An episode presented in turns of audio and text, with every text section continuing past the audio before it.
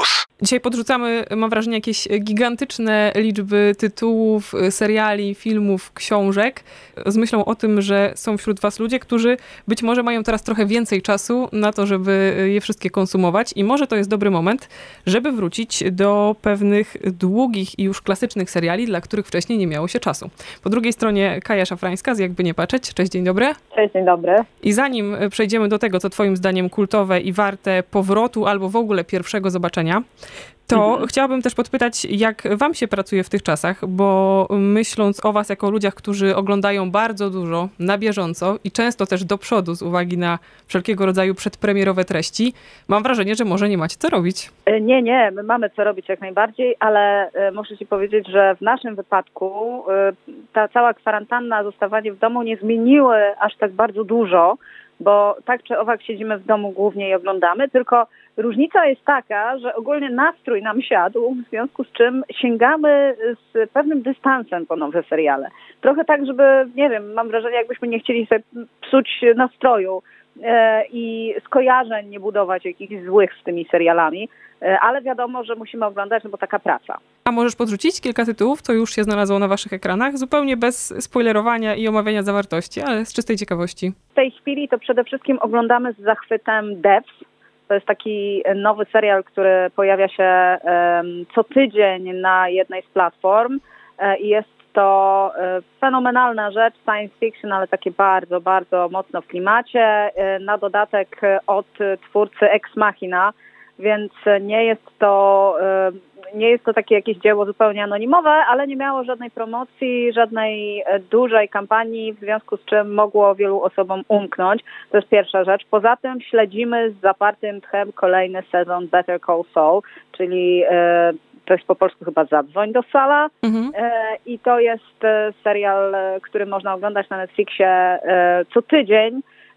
Bardzo dobra rzecz. Jeżeli nie widzieliście Państwo tego, to y, polecam. To jest w ogóle spin-off Breaking Bad, więc Breaking Bad to jest też oczywiście serial, który należałoby obejrzeć. Dobrze, że tak dodajesz, mogłabym... bo widziałam, że w Waszym najnowszym filmie to jest tytuł, który budzi jakieś takie duże emocje w komentarzach, że gdzieś w Waszym zestawieniu klasyków nie został zawarty. Nie, nie został zawarty, ale celowo nie został zawarty, bo wydaje mi się, że to jest tytuł bardzo oczywisty, a y, zależało mi na tym, żeby wyciągnąć z dosłownie już z takich mroków historii te produkcje, które e, przyczyniły się do tego, że seriale dzisiaj e, mają taką jakość, są tak doceniane mm, i to one tak naprawdę zmieniały rynek serialowy, zmieniały nasze nawyki, jeśli chodzi o oglądanie.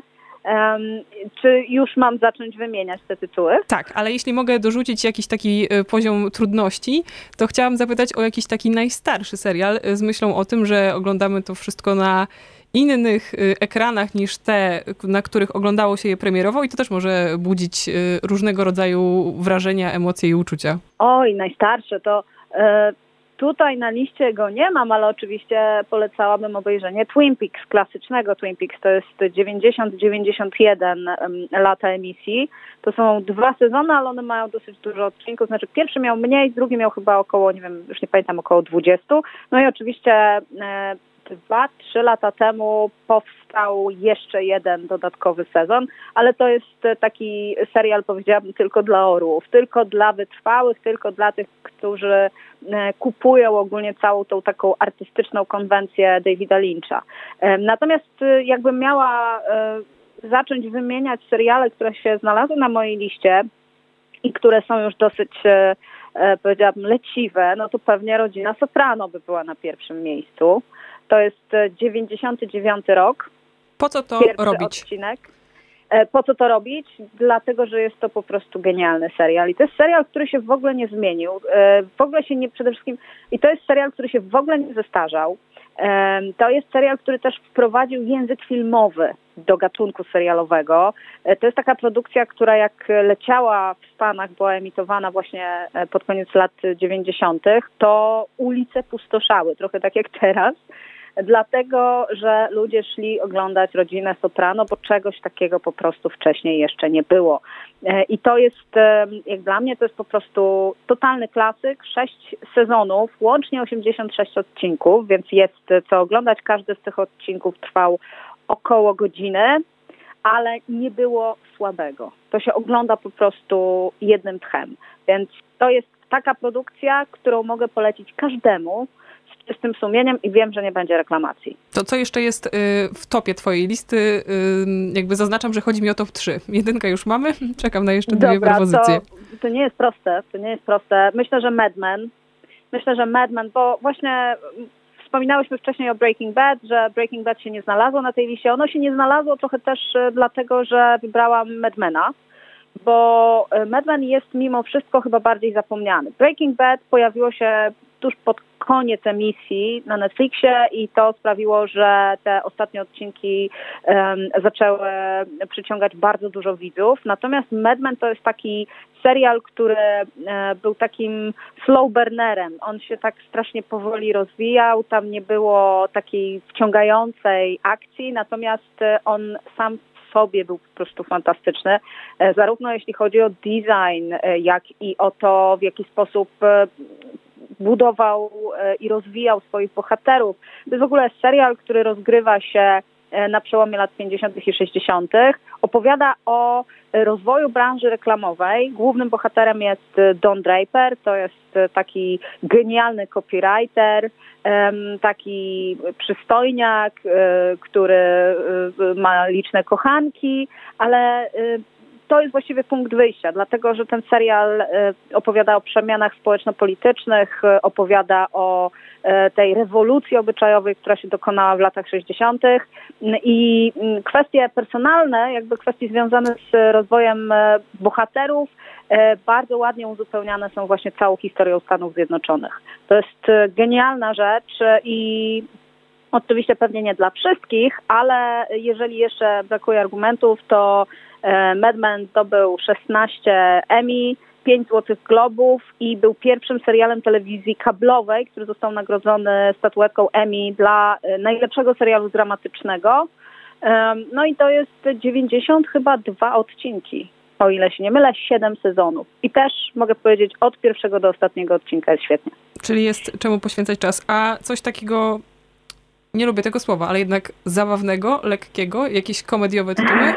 Tak, tak, mam, mam, mam, mam jeden, a właściwie dwa, bo tutaj mogę polecić jeden i drugi na równi. Jeden to jest The Office, amerykańska wersja The Office, e, a drugi to jest Parks and Recreation, to jest e, też e, serial komediowy, który został stworzony właściwie przez tych samych ludzi. Ja nie jestem fanką pierwszego sezonu Parks and Recreation. Mam wrażenie, że oni jeszcze nie do końca potrafili się odnaleźć w tej konwencji, ale potem ten serial się świetnie rozwinął. Natomiast jeśli chodzi o The Office, to jest w ogóle ciekawa historia, dlatego że The Office jako pierwsze powstała wersja brytyjska, została stworzona przez e, Rickiego Gervaisa, świetnego zresztą satyryka brytyjskiego. I później dwa sezony brytyjskie zostały zremakeowane przez Amerykanów. Amerykanie mają taki zwyczaj, że wszystko sobie z brytyjskiego na swój angielski, amerykański mm, przekładają. E, i The Office też sobie przełożyli, przy czym trzeba e, wziąć poprawkę na to, że pierwszy sezon amerykańskiego The Office był właściwie kropka w kropkę taki jak e, ten brytyjski i jest to absolutnie najsłabszy sezon. Także jeżeli ktoś się zderzy i mu się nie spodoba, to niech się nie zniechęca, tylko niech ogląda dalej, dlatego że dopiero później udało się stworzyć własny styl, udało się stworzyć fajniejszych, ciekawszych bohaterów niż na początku. Po prostu nie wszystko brytyjskie da się przełożyć na, na, na amerykański. E, I tam oczywiście główną rolę grał Steve Carell. E, w tej amerykańskiej wersji The Office powstało łącznie 9 sezonów, 201 odcinków, także to jest kawał oglądania. One były co prawda półgodzinne, ale niektóre e, odcinki były specjalne, czyli potrafiły na przykład godzinę trwać. Mm, no ale The Office to jest po prostu przygoda, to jest świetne oglądanie. Wiele osób się zastanawia, dlaczego nie polecam Friendsów, no ale właśnie. właśnie wydaje mi się, że Friendsów wszyscy znają. Wszyscy znają na pamięć, obejrzeli już miliony razy i pewnie oglądają w wolnych chwilach. Natomiast po The Office mało osób sięga, bo już nikt nie pamięta, że coś takiego było, a The Office jest po prostu genialne. To są y, trzy albo i nawet cztery tytuły z waszej listy. Jeśli ktoś chce sprawdzić, co jeszcze z tych klasycznych seriali y, warto obejrzeć, trzeba odwiedzić jakby nie patrzeć na YouTubie, bo to jest y, wasze środowisko działalności.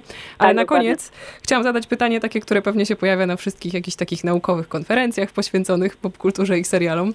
Co takiego mhm. mają one w sobie wszystkie? Jaki wspólny mianownik, że zostały w ogóle gdzieś w twojej głowie zaszufladkowane jako kultowe? E, co mają? Przede wszystkim ponadczasowość mm, i to, że w jakiś sposób zmieniły, e, zmieniły gatunek, e, jakim jest serial. One wpłynęły na to, że później pojawili się kolejni naśladowcy. One coś wniosły, one coś po prostu zmieniły na stałe w komediach albo w serialach dramatycznych po prostu e, stały się wyjątkowe i widać to nawet z perspektywy czasu. No plus oczywiście mają nadal bardzo taką um, zdeklarowaną grupę fanowską, bo wszystkie te seriale to są seriale, które dzisiaj, jeżeli się wymienia, to ludzie mówią tak, tak, znam, przynajmniej słyszałem.